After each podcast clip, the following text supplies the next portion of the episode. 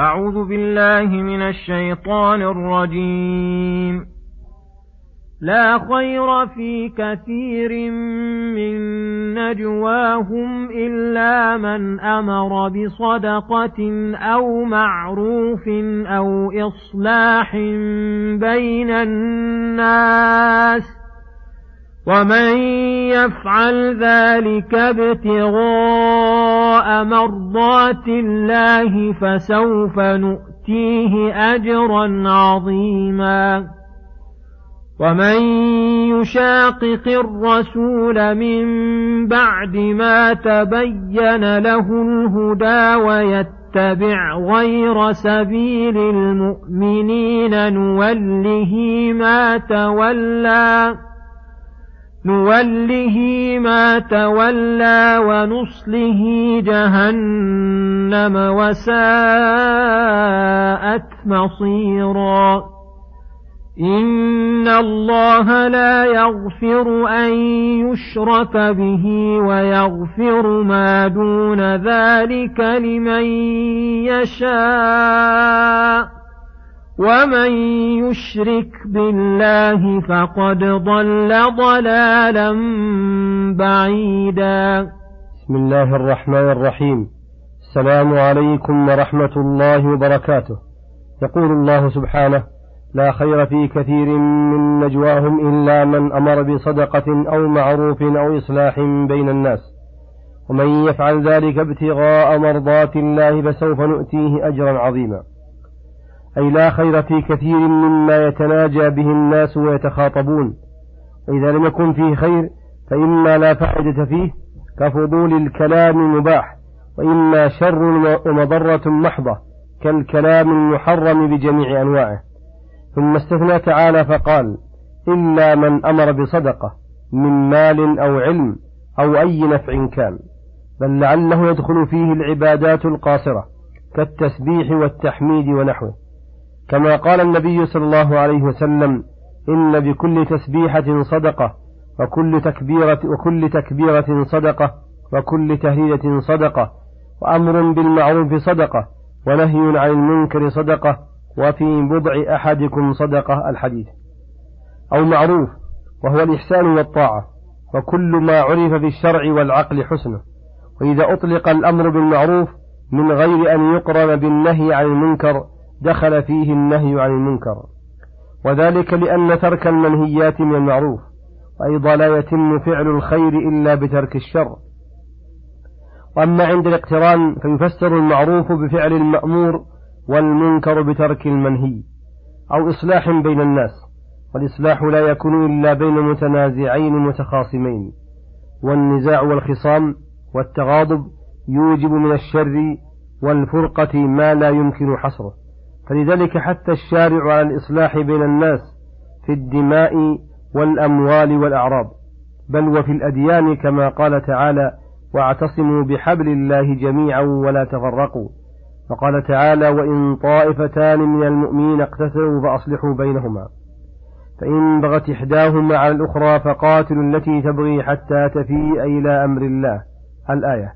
وقال تعالى والصلح خير والساعي في الإصلاح بين الناس أفضل من القانت بالصلاة والصيام والصدقة.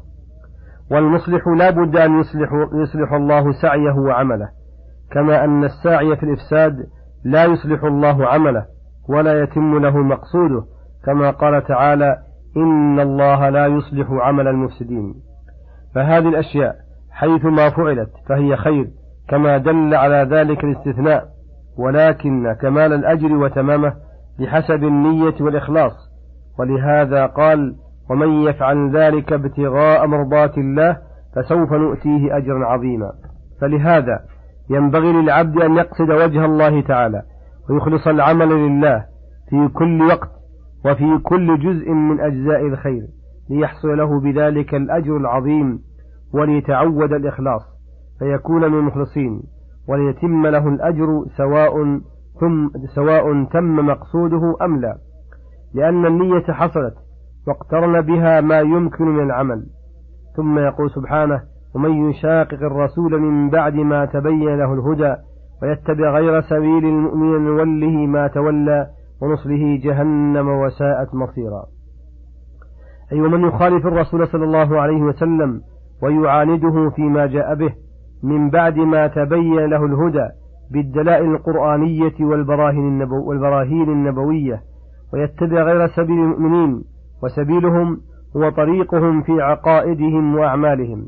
نوله ما تولى أي نتركه ما اختار لنفسه ونخذله فلا نوفقه للخير لكونه رأى الحق وعلبه وتركه. فجزاؤه من الله عدلا أن يبقيه في ضلاله حائرا ويزداد ضلالا إلى ضلاله. كما قال تعالى فلما زاغوا أزاغ الله قلوبهم وقال تعالى ونقلب أفئدتهم وأبصارهم كما لم يؤمنوا به أول مرة. ويدل مفهومها على أن من لم يشاقق الرسول ويتبع سبيل المؤمنين بأن كان قصده وجه الله واتباع رسوله ولزوم جماعة المسلمين ثم صدر منه من الذنوب أو الهم بها. ما هو من مقتضيات النفوس وغلبات الطباع؟ فإن الله لا يوليه نفسه وشيطانه بل يتداركه بلطفه. ويمن عليه بحفظه ويعصمه من السوء كما قال تعالى عن يوسف عن يوسف عليه السلام كذلك نصرف عنه السوء والفحشاء إنه من عبادنا المخلصين. أي بسبب إخلاصه صرفنا عنه السوء وكذلك كل مخلص كما يدل عليه عموم التعليل. وقوله ونصله جهنم أي نعذبه فيها عذابا عظيما وساءت مصيرا أي مرجعا له ومآلا. وهذا الوعيد المترتب على الشقاق ومخالفة المؤمنين مراتب لا يحصيها إلا الله بحسب حالة الذنب صغرا وكبرا. فمنه ما يخلد في النار ويوجب جميع الخذلان. منه ما هو دون ذلك فلعل الآية الثانية كالتفصيل لهذا المطلق. وهو أن الشرك لا يغفره الله تعالى لتضمنه القدح في رب العالمين. ووحدانيته وتسوية المخلوق الذي لا يملك نفسه ضرا ولا نفعا بمن هو مالك النفع والضر الذي ما من نعمة إلا منه ولا يدفع النقم إلا هو الذي له الكمال المطلق من جميع الوجوه والغنى التام بجميع وجوه الاعتبارات.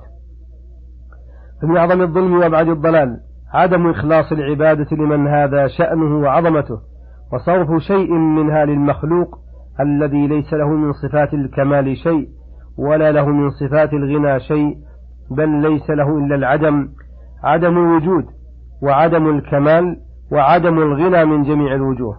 وأما ما دون الشرك من الذنوب والمعاصي فهو تحت المشيئة.